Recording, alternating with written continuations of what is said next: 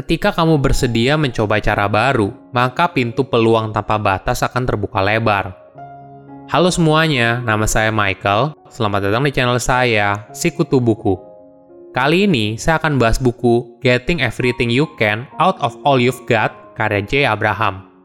Sebelum kita mulai, buat kalian yang mau support channel ini agar terus berkarya, caranya gampang banget. Kalian cukup klik subscribe dan nyalakan loncengnya Dukungan kalian membantu banget supaya kita bisa rutin posting dan bersama-sama belajar di channel ini.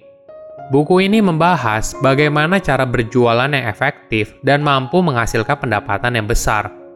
Konsep buku ini sebenarnya membahas tiga hal utama, yaitu menambah jumlah konsumen yang sudah ada, meningkatkan jumlah pembelian setiap konsumen, dan meningkatkan frekuensi pembelian setiap konsumen kita juga akan belajar melihat bisnis dari berbagai sudut pandang yang berbeda.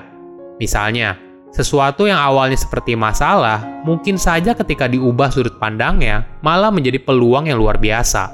Itu yang terjadi pada perusahaan 3M dengan produk post-it-nya. Di sisi lain, kita juga belajar bagaimana memotivasi karyawan dan konsumen setia kita untuk menjadi orang yang semangat untuk mempromosikan produk kita kepada calon konsumen yang baru. Sebagai informasi, Jay merupakan pakar penjualan yang telah berpengalaman dengan lebih dari 10.000 perusahaan dan membantu mereka untuk menghasilkan jutaan dolar.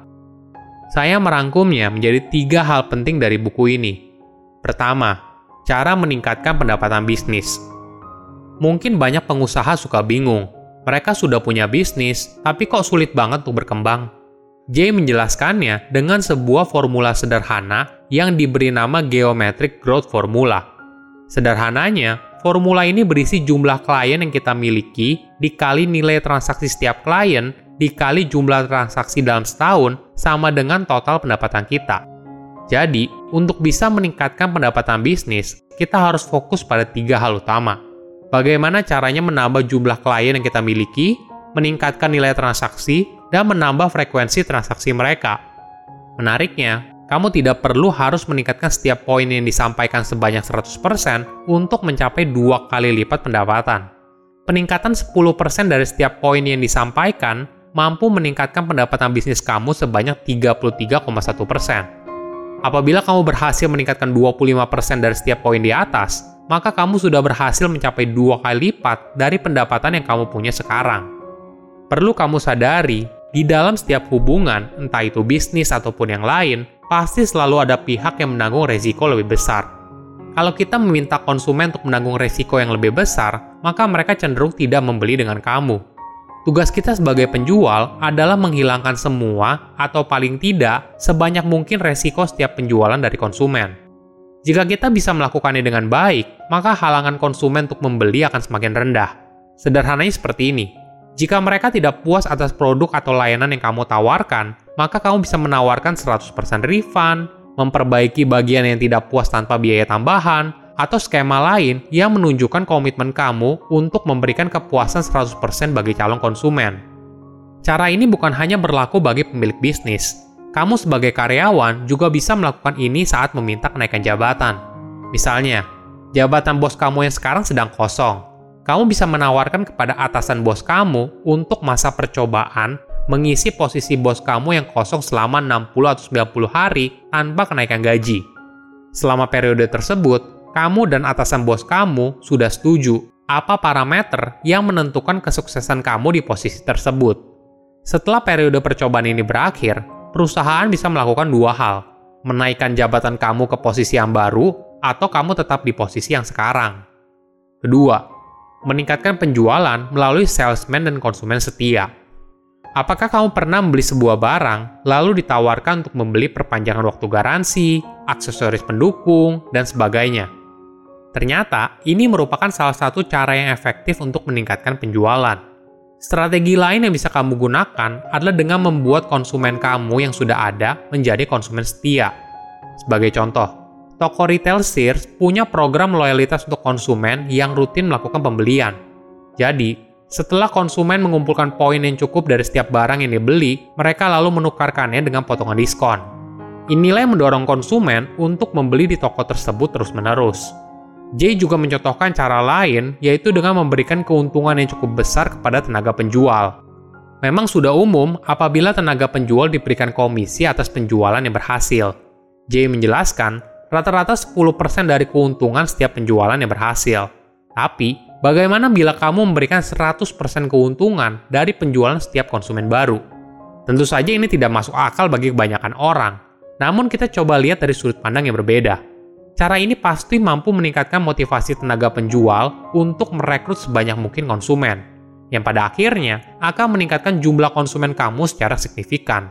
Selain itu, jika konsumen baru itu melakukan pembelian berulang, maka tentu saja kamu akan mendapatkan keuntungan berlipat. Selain tenaga penjual, klien kamu yang sekarang juga bisa sebagai tenaga penjual yang efektif. Jay memberikan contoh, seorang psikiater yang memberitahu setiap orang yang mereferensikan pasien baru kepadanya kalau mereka tidak perlu membayar biaya konsultasi pertama. Tentu saja, biaya konsultasi itu ditanggung oleh psikiater tersebut. Namun, hal ini akan berdampak pada peningkatan jumlah pasien baru untuk mencoba layanan yang diberikan. Dalam bisnis, kita juga melihat jumlah klien yang sudah tidak aktif lagi.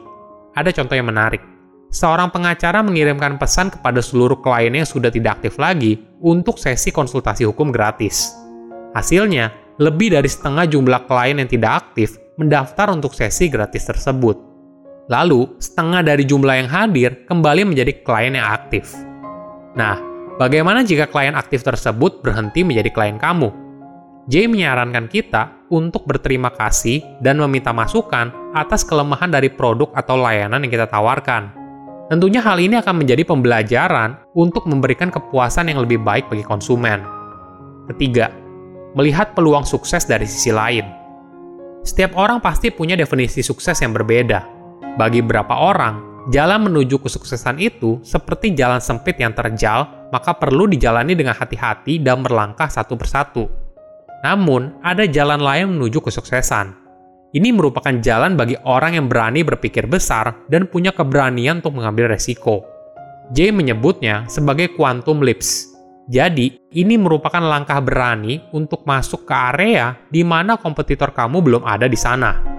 Daripada kita fokus bersaing dalam arena yang penuh dengan kompetitor, bagaimana bila kita mencari jalan yang belum ditemukan oleh orang lain? Ada contoh yang menarik. Ahli kimia dari perusahaan 3M berusaha untuk menciptakan produk dengan daya rekat yang kuat, namun malah menciptakan produk dengan daya rekat yang lemah.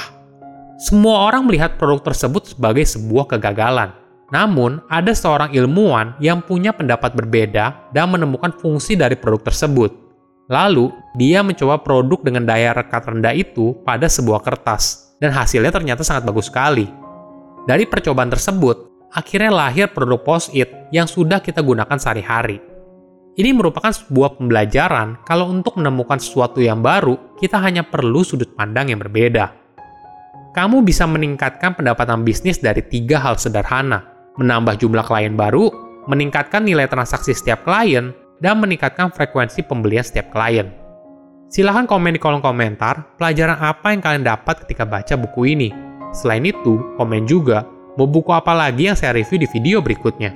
Saya undur diri, jangan lupa subscribe channel YouTube Sikutu Buku. Bye bye.